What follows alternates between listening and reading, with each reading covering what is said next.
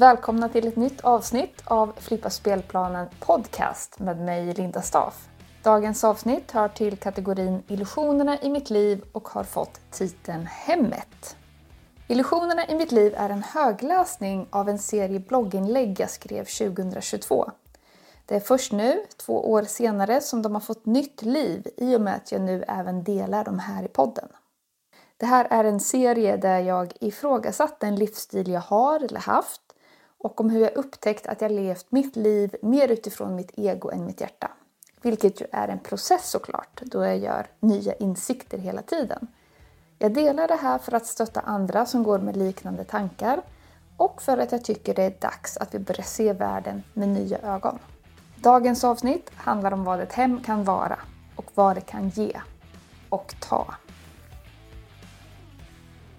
Jag har flyttat ut utan att flytta in och bor just nu nowhere. Eller kanske now here. Allt är ganska nytt än så länge så jag kommer dela upp min upplevelse i två avsnitt. I det första berättar jag om vägen fram till beslutet att lämna hemmet och hur uppbrottet kändes. Hur det gick sen, det får framtiden utvisa och det får jag berätta mer om i ett framtida inlägg. Hemmet. Vi bodde i ett normalstort hus där vi alla hade varsina sovrum, ett kök, ett ganska stort vardagsrum som rymde stor hörnsoffa, kamin, bokhylla och stort matbord för många gäster. Det var högt i tak och fönster i alla väderstreck. Källaren var rymlig och fungerade som förvaring för alla möjliga prylar jag samlat på mig genom åren innan jag började reflektera och fatta grejen med konsumtionshetsen. Hemmet låg nära en väg, men läget var centralt och bra. Jag gillade trädgården och hade ett stort garage. Jag trivdes jättebra här. Verkligen älskade huset och platsen med närheten till Vättern och stadskärnan. Men det är ju något med trygghet och bekvämlighet som många gånger kan sätta stopp för oss och hindra oss från att uppnå andra, mer viktiga saker i livet. Visst är de bra, men i lagom dos. Det kan lätt bli en överdos av dem. Framförallt av bekvämligheten. Vägen fram till utflytten. Det tog fart när jag sommaren 2021 funderade över hur jag skulle kunna anpassa mitt hem till att bli mer miljövänligt. Varannan vecka var jag ensam i huset vilket vid närmare eftertanke kändes rätt galet med tanke på miljön och klimatet. Jag förstod ju att det egentligen var för stort för våra behov och att det fanns så många saker där som visserligen stärkte känslan av hem och mys men som inte fyllde så nödvändiga behov. Jag testade och processade så många olika tankar kring att skala ner på prylar, att kanske bo på mindre yta och hyra ut övervåningen. Huset var byggt som två lägenheter men gjordes om till ett enfamiljshus innan jag flyttade in. Så jag gjorde som jag brukar. Jag flippar spelplanen. Jag sätter mig ner och nollställer allt. Istället för att skala av lite här och där så tar jag mentalt bort rubbet och sen lägger jag bara till det som jag verkligen vill ha på min spelplan. I det här fallet blev det så att jag skrev två listor bredvid varandra. En lista med sånt jag verkligen behöver och en lista med sånt jag njuter av att ha. Det visade sig snabbt att i det hem jag bodde fanns alldeles för många saker som inte ens fanns med på de där listorna. Det väckte en tanke i mig att jag skulle vilja testa att leva livet med endast det jag behöver och njuter av att ha och skala bort allt annat. Jag hade också en längtan av att bo mycket mindre, eller kanske rent av bo på flera ställen och liksom förflytta mig efter säsongerna. Men det var inte något jag tänkt göra förrän om två år, när kidsen flyttat hemifrån. Det var också dags att göra större investeringar i husets underhåll, vilket är okej okay när man planerar att bo kvar i 15 år, men känns halvkul när man ser sig flytta därifrån om två år. Så jag började prata med kidsen om hur de kände kring en flytt och vad alternativen skulle kunna vara. Några månader senare kontaktade vi mäklaren och ytterligare några månader efter det så bestämde vi oss slutligen för att sälja. Huset blev sålt och vi flyttade ut. Men jag flyttade inte in någonstans. Istället sålde jag av prylar, lät kidsen ta det de ville ha och körde det mesta av bohaget till ett kollektiv som önskade ha lite mer inredning. Vad behöll jag då? Jo, det jag behöver och njuter av att ha. Behöver. Möjlighet att förvara mat och tillaga mat. Nödvändigtvis inte ett kök. En trygg plats att sova på. Nödvändigtvis inte samma plats varje natt. Kläder efter säsong. hygienprodukter och första hjälpen, tillgång till rent vatten, värme under de kalla månaderna, skydd från kyla, vind och regn.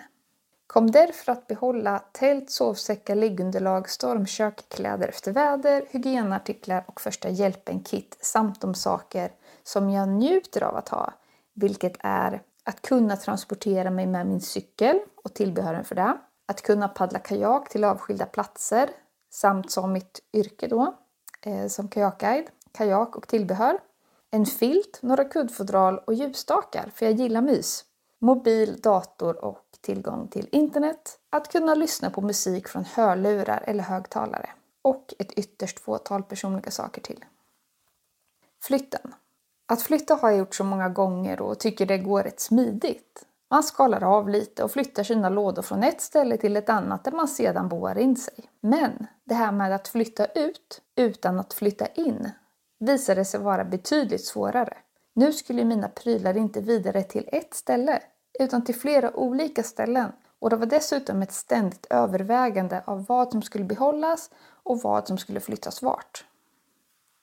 Det var också känslomässigt väldigt jobbigt. Inte bara att bryta upp från prylar och huset i sig, utan även från en livsstil, rutiner och en fysisk plats som band oss samman. En plats vi levde på. Även när huset var tomt var det fullt av energi och minnen. Trots att soffan var borta kunde jag se och sitta i den och mysa med katterna framför brasan. Trots att köket var tomt kunde jag se mig och dottern dansa, snacka och laga mat tillsammans. Trots att matbordet var borta kunde jag se och sitta tillsammans där och prata om allt mellan himmel och jord. Och trots att hallen var tom kunde jag se den svämmas över av tonårsskor och höra kidsen och deras vänner snubbla in över tröskeln. Jag var helt oförberedd på hur starkt det skulle kännas att lämna det. Inte prylarna i sig, utan alla de minnen och känslor jag kommit att förknippa huset med. De sista dagarna tackade jag ofta huset för den tid vi haft tillsammans. För att vi fått vara en del av dess historia och att den varit en del av vår. Att tacka har blivit viktigt för mig. Det stärker inte bara tacksamheten inom mig utan ger mig också möjlighet till ett avstamp, att lämna något bakom mig och indirekt att öppna upp för något nytt. Dagen för överlåtandet mötte jag upp de nya ägarna och vi gick igenom fastigheten tillsammans. Och då rann allt av mig. De gillar huset och ser fram emot ett liv där. De är fina människor och kommer ta väl hand om platsen. När jag gick därifrån så fylldes jag av en känsla av att ett överlåtande har skett. Och då inte bara konkret utan även själsligt. Och det kändes väldigt fint. Jag var redo att gå vidare. Med tacksamhet. Planen framåt. Jag har idéer om hur jag vill leva och bo, men också en önskan om att lära mig mer om hur man kan bo mer miljövänligt, mer enkelt och naturligt och gärna tillsammans med andra som delar min filosofi. Jag vill inte ruscha in i något nytt utan ta mig tiden att utforska och testa på olika sätt att leva och bo innan jag slår rot mer permanent igen. Jag börjar i grunden med att bara omge mig med det jag behöver och njuter av att ha, så får vi se vart det tar mig. Hemmet som illusion. Jag har hittills kommit att se och känna två saker väldigt starkt. 1. Den överdrivna bekvämlighet och eh, konsumtionsbomb som ett hem kan vara. Ur miljösynpunkt är det helt galet att vi ska sträva efter att leva så stort och bekvämt som möjligt. Att ett hem kan vara fyllt av en massa prylar som mest bara ska fylla tomrum och signalera vad som är vi, en imagefasad, men i själva verket är det få hem som är personliga. Man har valt ett spår att gå på. Att man väljer bland ett antal stilar och går på det som passar en bäst. Men det är inte att ha en personlig stil. Hur många unika hem har du själv besökt de senaste fem åren? Hur lätt det är att konsumera en massa grejer vi egentligen inte behöver bara för att det annars ser så tomt ut i det där hörnet eller att vi behöver en lampa eller två till för att lysa upp stora ytor som blir mörka när hösten kommer.